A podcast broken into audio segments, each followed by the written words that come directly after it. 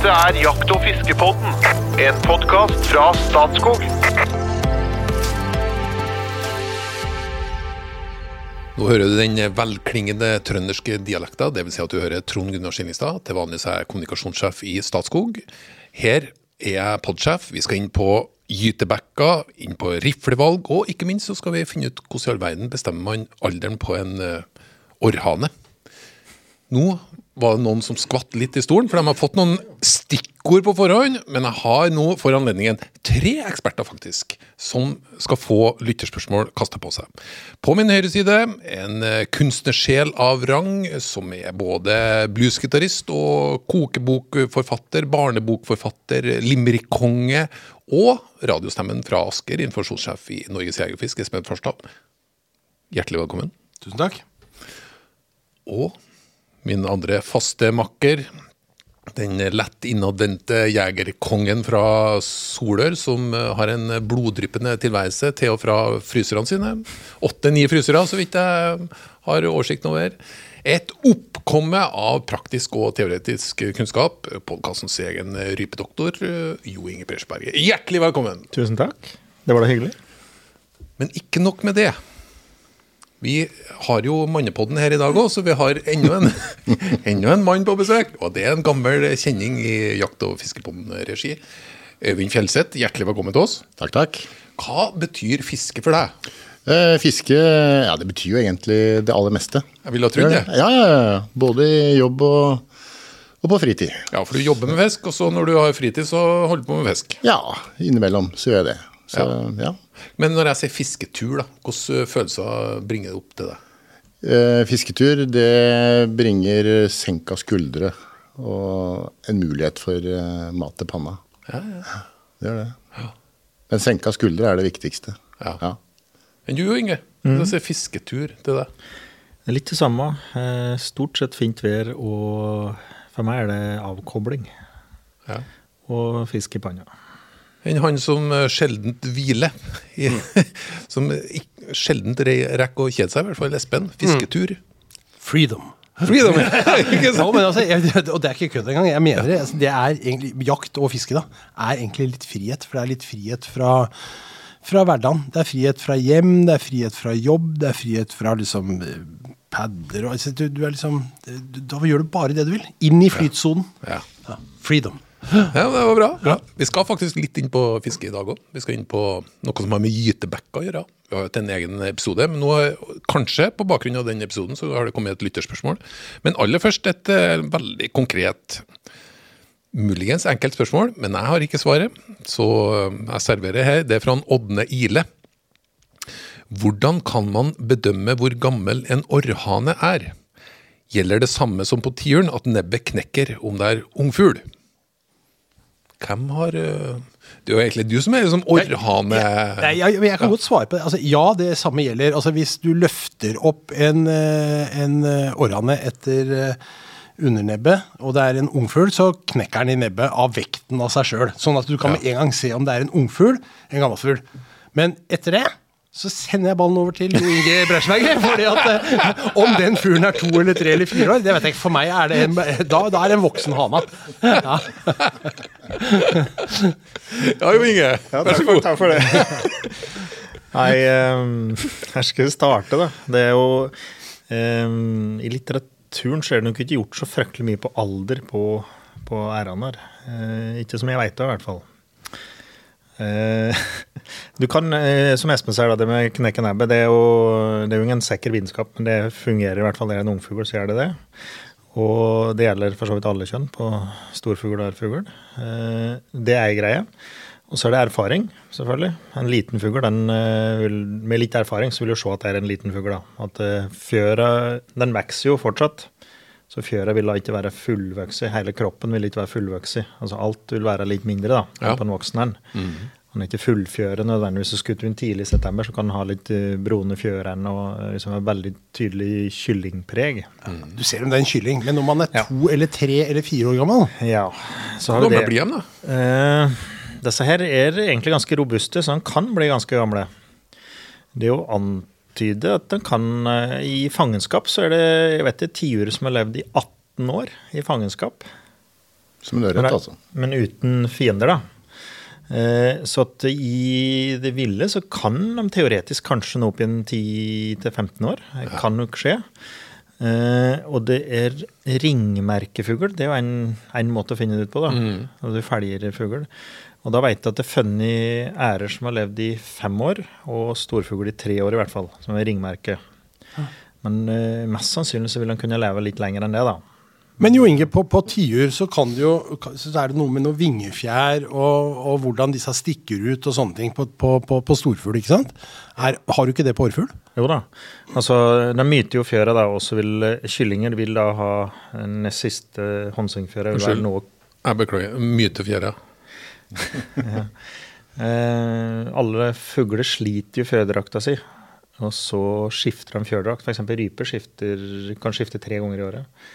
Skifter for vinterdrakt til uh, vårdrakt, og så over i høstdrakt, og så til vinterdrakt. vinterdrakt. ja. liksom. okay, Tre ganger, ja. Mens uh, storfugler de myter liksom en tiur. Når jeg hadde de radiomerket, så de myter jo på midtsommeren. Og må ha da ganske mye krutt for å få dere fjøret til å så fort ut igjen. De er ganske sårbare. Han går på bakken og klarer nesten ikke å lette. Når vi tok dem opp, når vi skulle remerke dem, så gjorde du det i mytinga. Da tar du den opp to ganger. Da ligger den bare og peser i løngen. Ja. Du kan ta den med hendene. Så da er de ganske, ganske pudding. Og da starter de bakerst, som regel da, på fugler så starter de bakerst, og så skifter fjøra oppover. Til, altså derifra så ut. Eh, litt for å kunne fly hele tida. Noen skifter alle samtidig. Svaner for eksempel, skifter alle samtidig. Okay. Når de har fått unger på vannet, så skifter de fjøra, og så bare svømmer de rundt. Og kan da ikke fly en periode. Så det er òg et tegn, da. Da vil, eh, vil den nest siste vil da være litt kortere Nest siste. håndsvingfjøra, altså den ytterste fjøra på vingen, den de flakser med. Ja. Og ungfugler òg har pigmentering på Vi prater om ut- og innfane på fjøra, altså eh, innersida og yttersida, egentlig. da. ja. Uh, ungfugler vil ha pigmentering på begge. Det har ikke voksen fugl. Litt sånn brun nok Nei. Ja, Ja. riktig. Eh, Altså en form for kamuflasje, da. Og ungfugler har òg spissere fjør enn voksne. Voksne vil ha mer avrunde og litt bredere fjør enn ungfugl. Det kan du se på. Det gjelder ryper òg. Og på tiur, som Espen sa, så vil en unghane den vil ha kort halefjør. Mens en voksenhane den vil ha lengre og mer rett halefjør, f.eks. Og en tiur den kan vi måle nebbet på. Ja. Nebbhøgde. det gjør vi- Gammel kroknebb, ikke sant? i Ja, forskningsøyemed. Den vokser jo nebbet på, da. ja. Så at en, eh, en ungtyr har da opptil ca. 23 mm høyt Cirka? nebb. Ja. Og så en eh, ettåring vil da typisk ha 23 til ca. 25,5-25 en stand millimeter høyt nebb når du måler innerst ved nebbrota. Og en toåring, da, to pluss, den vil ha 25 oppover. Men Ja. årehane, da, som vi var inne på her, det er det gjort ganske lite på. Og jeg veit at en av verdens beste forskere, Robert Moss, han eh, lagde en artikkel en gang der han kokte skaller. altså, jeg, lurer på, jeg, tror det var, jeg husker ikke om det var årene eller tiur, men det var hvert fall en av dem. Så kokte den skallen, og så er det De vokser sammen, da. Så jo eldre den blir, så er det, det er litt perforerte bein her i, i skallebeinet som vokser sammen jo eldre han blir, og da tar det lengre tid å koke den skallen ifra hverandre. Han kunne da bedømme alderen til hvor lang tid det tok før han kokte den ifra hverandre. Der fikk du et tips, Espen. altså, jeg, jeg, jeg konkluderer nå på vegne av det, spørsmålet som er kommet inn, om at dette er vi egentlig ikke så opptatt av. Vi er opptatt av om vi skyter en ungfugl eller vi skyter en gammel fugl. Ikke sant? Når det gjelder disse. Og vi har snakka om det før. Hva er liksom en gammel tid? Ja, det er en som, ja, er en som har overlevd en vinter, ikke sant? Og, og da er det en gammel fugl. Ja, ungfugl først når, når den er ung, og etter det så er den gammel. Og dette gjelder faktisk oraner også. Og vi er jo smått snobbete på det, vi skogsfugljegere. For at vi verdsetter jo på en Ja, måte disse fuglene litt. Så jeg vet ikke om det er det han lette etter. at jeg, Han skjøt ikke bare en gammel århane, men den var tre år gammel. Liksom. Altså, Det, det klarer vi ikke. Men akkurat det med alder Og det fører meg faktisk inn på en limerick ganske tidlig her, sånn, fordi at den der litt snobbete skogsfugljegeren Ja, ja. som, som, Det, som er den sjølerkjennelsen inni her nå, Espen. Ja, Ja. det er det faktisk. Det er helt riktig. Jeg må ta på brillene for at jeg skal ha rytmen i dette her.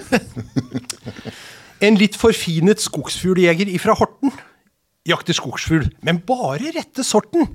Han jakter helt opp mot jul, men bare gammel fugl. Å jakte ungfugl gir nemlig ikke samme sporten. Oh, det var nydelig! Det var nydelig. Så det, og det er vel egentlig konklusjonen. Vi kan egentlig ikke si om du har skutt en blåhanna, en gammel årefugl, liksom, som er to eller tre eller fire år. Sånn i farta, med mindre du skal koke skallen og se på sånn. Men det er ingen som gjør det, ikke sant? Nei. Nei, så det er rett og slett litt vanskelig da, å bedømme. Men du kan bedømme om det er voksen eller ungfugl. Det klarer du å bedømme. Og vekta, som sagt, er litt usikkert. Jeg har en, eh, en skogsfuglnerd som er kjenner godt, kompis, han eh, Torgall. Han eh, har målt og veid og opp fuglene i årevis. Og fant jo at det var, kunne være 15% av kroppsvekta var i kroposene på ærene. Det er ganske heftig. Så veier, hvis du overfører etter en tiur, så er det over en halvkilo da, i kroposen. Og har du da en tiur, en voksen tiur på rundt 4-4-4-5, så er den plutselig en femkilos. Bare for at den har det. Så mm. Så vekta er litt tenker- Men ja. voksen og ung, det klarer vi å skille. At du ser på noen andre og kaller dem skogsfuglnerd, det er Nei, Det er selverkjennelsens program, dette. Ja, det. Du Øyvind, forresten. jeg sjekka, jeg ble litt usikker. Er du biolog eller zoolog? Eh, Jeg er biolog, men jeg, men jeg har en zoologiutdanning. Så, så jeg er jo blitt en fiskebiolog etter det, da. Ja, ja, ja. Ja, ja. Var du i nærheten av eh, det vi diskuterer her nå? Altså, jeg, jeg kan fugleanatomi, og jeg Ja. kan det her om myting, ja.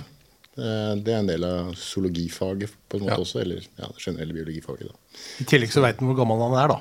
Ja.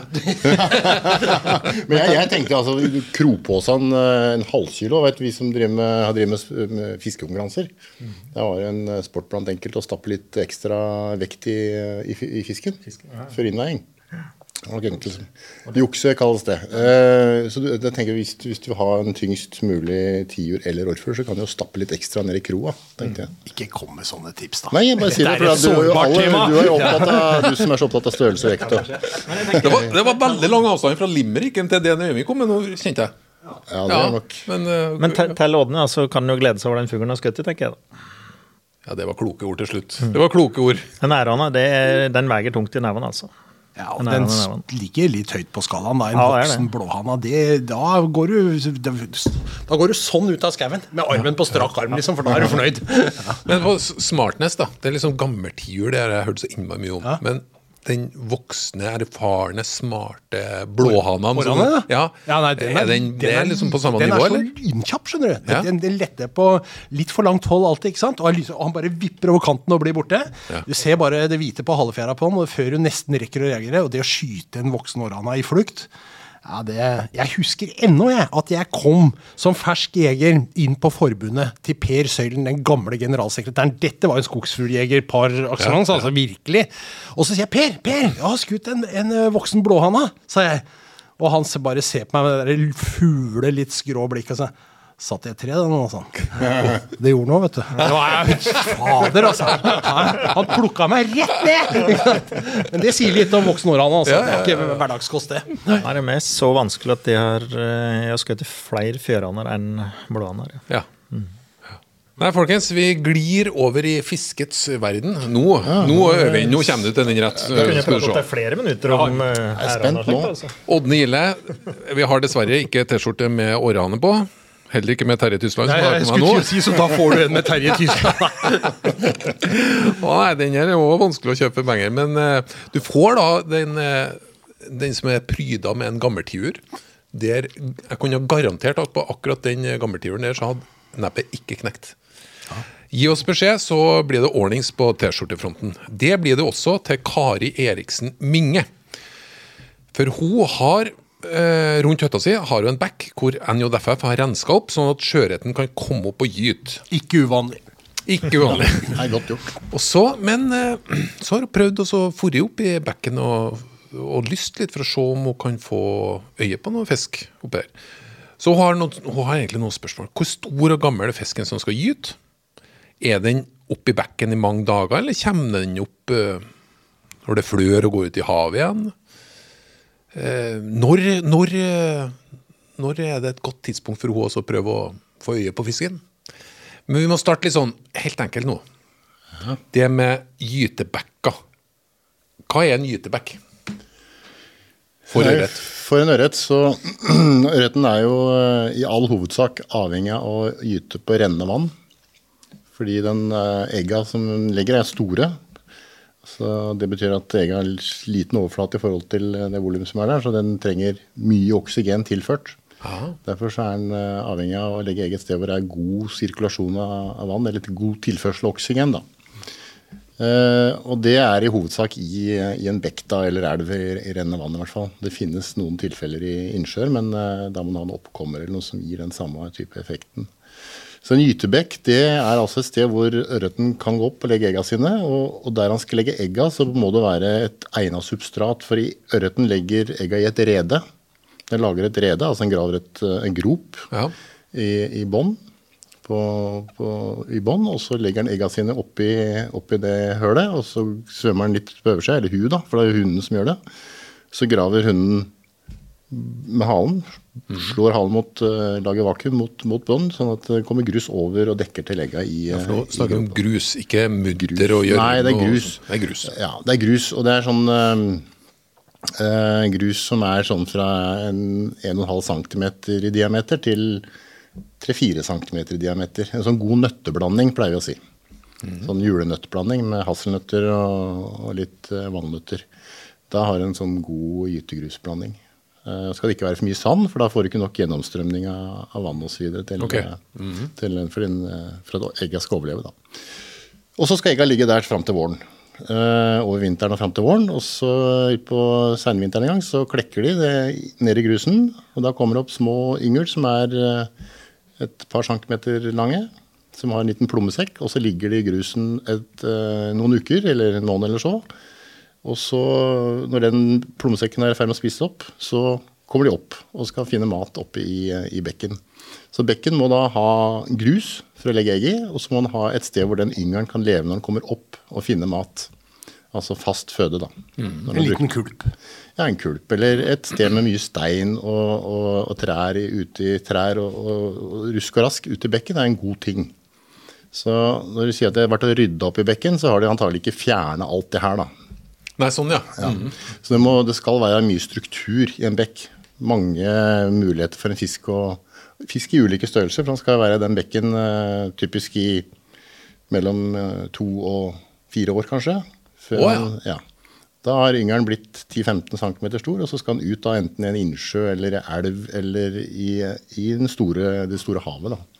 Ikke sant? Så for ørret er jo både sjøørret og vannørret det er jo samme art. Så de har Men- samme men krav. Bekken må være altså det må jo være så, den må jo være så stor at det renner vann der hele tida, for det skal jo leve Ja, ja, ja, ja, absolutt. Men den trenger ikke være så stor at den huser store voksne fisker. Det er bare de Ofte, små. ikke sant? en, Ja. en gytebekk er ofte Det kaller ofte de små bekkene. Ja.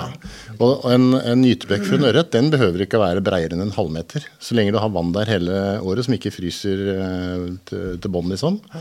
Eh, og det kan godt fryse til bånn enkelte steder, bare ikke de egga fryser inne.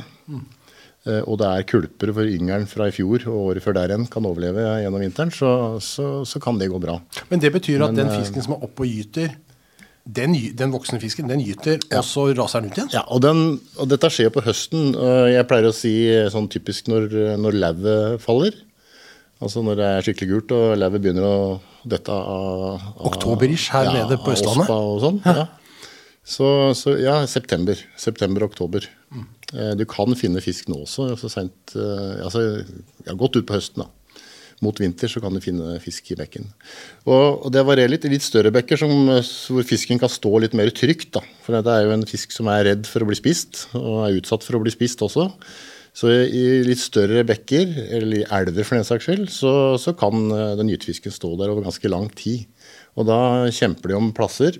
Hanne finner en plass som er godt egna, som hun mener at hundene vil like, og så kommer hua og, og tester ut og prøver å grave litt og sånn. Er det greit å grave her? Ja, ok, da, da vil jeg ha deg, for du har vært flink og skaffe meg en god gyteplass. Og så, så har de seg, da. Hunden, hunden graver et høl, og så gyter de sammen. En sånn fin dans, og så gyter de flere porsjoner oppover. Da. Eh, eh, I andre tilfeller, i små bekker, så kan godt hannene stå der ganske lenge. Eh, og så kommer hundene sånn raskt opp og gyter og går ned igjen. Jeg kalte det sånn Vi snakka om, eh, om orrfugl i, i stad. ikke sant? Sånn Høn, høneuka eller hønseuka eller noe sånt. Det er ikke det de kaller det. når det kommer litt sånn brått, så er det mye av den produksjonsfuglen der. da. Så, så det er eh, i korte trekk det. Hvis du skal ut og se på den, så er det på en måte i september-oktober, tenker jeg. Når ja. lauvet er gult og faller. Ofte så er det bra også hvis du har hatt eh, mye nedbør som du har om høsten, og så har du Ja. en flom, og så liksom en dag eller to etter, når vannet er i fall, Ja. faller litt og klarner opp litt etter en flom, da, for da har fisken gått opp på flommen, og så står den der, ikke sant, og så ser du den da. Ja da, og, den, og det, den er jo relativt lett å se. Og det er jo ofte store fisker òg, ikke sant. Eh, litt avhengig av hva slags eh, Hvis det er en innsjø, så er det avhengig av hva slags størrelse på fisken som er der. ikke sant? Mens i en uh, sjøørretbekk, som mange liker å gå og kikke litt i, så, så kan det fort være fisk på flere kilo ikke sant? som står der og, og stiller seg opp. da. Og står typisk på litt på dagen så står de på litt sånn eh, skjulte steder, og så står de på de der litt eh, raskere strømmende partiene om, uh, i mørket. da. Har det noe mørket er- komme- ja, ja. Mørket er et poeng, da. Ja. ja. Da, da føler fisken seg tryggere også, ikke sant. Mm. Man er ikke så lett skremt av lys. Nei. Så det er som en del andre dyr. Så den takler lys ganske godt når den får det rett på seg. Sånn, vi er kraftig lommeløkt. Men er det da sånn eh, i en innsjø med ørret, gyter ikke ørreten i den innsjøen? Går den uansett opp i rennet vårt? Ja, altså I utgangspunktet, ja. Altså, den, kan, den kan jo finne på å prøve å gyte hvis, den ikke, hvis det ikke er en Ja. gytebekk, f.eks. Eh, hvis det er fisk som er satt ut, da, sånn kultivering og sånn. Så Du skal jo i utgangspunktet ikke sette ut fisk der det ikke er eh, reproduksjonsmuligheter. men Men det er det. Ja da, det gjør det. Så der vil den jo Altså han får, har jo rogn. Vi har jo alle, eller i hvert fall mange av oss som fisker litt om vinteren, da. eh, På isen har jo fått eh, ørreter som er helt fulle av rogn. Som er helt løs i buken.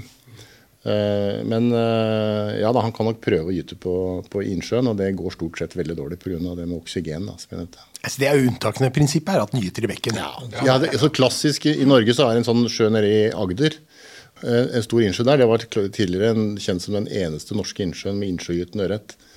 Men i reguleringsmagasiner så har det blitt mer og mer vanlig å oppdage den type atferd. Det har nok litt med hvordan vannet reguleres. Det får, får de sånne grunnvannstilsig. Men her var det sjøørret. Og sjøørret Ja, Det var havet, i- spørsmålet. Ja. Ja, jeg, ja, ok, jeg glemte det med sjøretten, Men, Jo, jo, men sjøørret er veldig ja. enkelt. altså. Men eh, ørret er ørret, og du kan oppleve det her både i innlandet og ute ved, i sjøørretbekkene. Mm. Hvis man uh, kunne tenkt seg å dreve med kultiveringsarbeid, da er det vel sannsynligvis ikke bare å ta seg til rette. Men hvis man, hvis man ønsker å liksom gjøre et bidrag i, i nærheten, hva kan man gjøre da? Da fins det en landsdekkende interesseorganisasjon Vær så god, Espen Barstad. ja, som, som faktisk bedriver den type arbeid. Ja, du, for at det, men det er litt interessant, da, for at sær, særlig hvis vi snakker sjøørret, for å holde oss til den, så er det jo slik at sjøørreten der her er det de små bekkene som er viktige. De små bekkene foregår jo ikke noe fiske i disse små bekkene. Fiske foregår jo stort sett i sjøen. Det betyr at det er ikke noen grunneierinteresser her som har interesse av å stimulere til sånt arbeid i bekken og sånn. Her er du avhengig av frivillig innsats. Her er det ildsjeler med stort hjerte og nyslipte spader og hakker som går ut i elva og jobber. Og så kan du ikke bare gjøre det på måfå, ikke sant? for du må ha noe kunnskap. Og det treffer du da i, i lokalforeningen i Norges Jeger- og Fiskerforbund. Der er det kompetente folk. Vi kurser jo, holder jo kurs i dette her sånn, og sørger for at de tiltakene som gjøres, er bra for ørreten.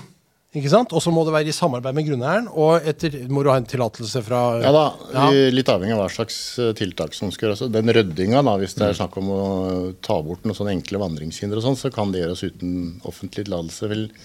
Men uh, ofte så må du ha en, eller oftest vil jeg si, så må du ha en tillatelse fra statsforvalteren. Eh, Ja, når du skal gjøre ting i er dere, ja. Skal du gjøre ting i innlandsørretbekker, så må du ha fra, fra fylkeskommunen. For er, ja, forvaltninga er skilt. men, men her kunne man jo se for seg en velvillig velforening. Så de sier nei, nå skal vi rydde litt i bekken, dere. Og så ja. tar de bort Ja, sant. kantvegetasjon og, og så litt gress nettdel, da, vet du, så at det ser litt ja. halvparkaktig ut. Og da har du sannsynligvis ødelagt mer enn du har gjort Ja. ikke sant? Så det må vi unngå. type å fjerne kantvegetasjon er jo forbudt, rett og slett. Så det, det skal jo ikke skje. ikke sant? Og, og det å søke kunnskap og råd, det er et, et godt utgangspunkt. Da. Og der har vi jo, som, som Espen sier, eh, mange av våre foreninger har mye kompetanse. Ellers så har vi jo kompetanse på, i, på flere av regionlagene våre, på kontorene der. Og så har vi selvfølgelig på vårt sentralkontor. Og vi bistår jo etter beste evne selvfølgelig og holder kurs og sånn. Så Ja, ja, du kan gå på YouTube-kanalen til Jeger- og Fiskerforbundet. Der ligger det jo en rekke rekke med filmer som forteller litt om hvordan dette skal gjøres. Kari Eriksen Minge. Det korte, korte svaret var gå ut i en kveld i september-oktober med lommelykta. Da, da, da er det størst sjanse. Ellers veldig veldig fascinerende å høre om Gytebekk. og det, jeg synes det er veldig sånn, ja, det er veldig bra. Jo Inge, nå skal du få en ut, uh, ufattelig vanskelig utfordring til slutt. Du har uh, to minutter. Okay. Riflevalg. Hei, jeg tenker å kjøpe en 22 LR, long rifle sikkert. Men så er spørsmålet om hvorfor ikke da en 17 HMR eller en 22 WMR? Hva er eventuelt forskjellen? Hva er mest dødelig for viltet? Vær så god, to minutter. Klokka går. Ja, nei, kortversjon. Jeg hadde kjøpt en eh, Jeg hadde kjøpt en 22 LR. Eh, nok en gang, det er et veldig trivelig kaliber. Det er mest sannsynlig uh, det som blir skutt mest av i hele verden, mer enn alle andre til sammen, det er at det er billige patroner. Og du kan trene da mengdetrene for en billig sum. Er på salong. Ja, Ja. salongrefle. Mm. Eh, og du får skudd fortsatt på tilbud under ei krone. Og kjøper litt kvanta òg. Eh, kan gå ganske bra, og gir veldig bra trening. Da, og kan brukes på småvilt. Det han eh, 17 HMR og 22 WMR. Går det også inn i salongrifla? Ja det, ja, det er for så vidt det, da. For det er, eh, det er, jo, det er jo ikke en 22 LR, men eh, 17 HMR det er en kreasjon som Hornet de lagde tidlig på 2000-tallet. Og da har de strypt ned den 22 VMR som står der. Det er Winchester uh, Reamfire. Angrer på at jeg spurte. Takk for svaret. 22 LR. Var klar for uh, litt uh, Ja, rett og slett. flere minutter om det, tror jeg. Og det beste, det beste er at, at det der tekniske tilnærminga til dette her, som er jo helt utafor folk flest, den starter med Nei, men det er trivelig, kaliber. Så han har en sånn emosjonell inngang, vet du. Jeg trodde det var nerdete med flueline og sånn. Relativt følelsesløs sånn generelt. Man kommer inn på riflevalg og ammunisjonsvalg, og da er det å banke hjertet. Da Altså. kommer det med sånne begreper. Hot or not? Jo Inge, Øyvind, Espen. Rekkefølga. Topputstyret Randonee. Hot or not? Eh, Not. Ja, Det er hot, er det ikke det? Ja, Kikkertsikte med innbygd avstandsmåler. Hot or not? Ja, det er hot. Ja, det må være hot. Hot, ja. Sikkerhet er godt. Kommunismens far, Karl Marx. Hot or not? Eh, not. Nei, Jeg syns det er litt hot, jeg. ja, hot. Globalisering. Hot or not? Eh, not. Jeg er hot.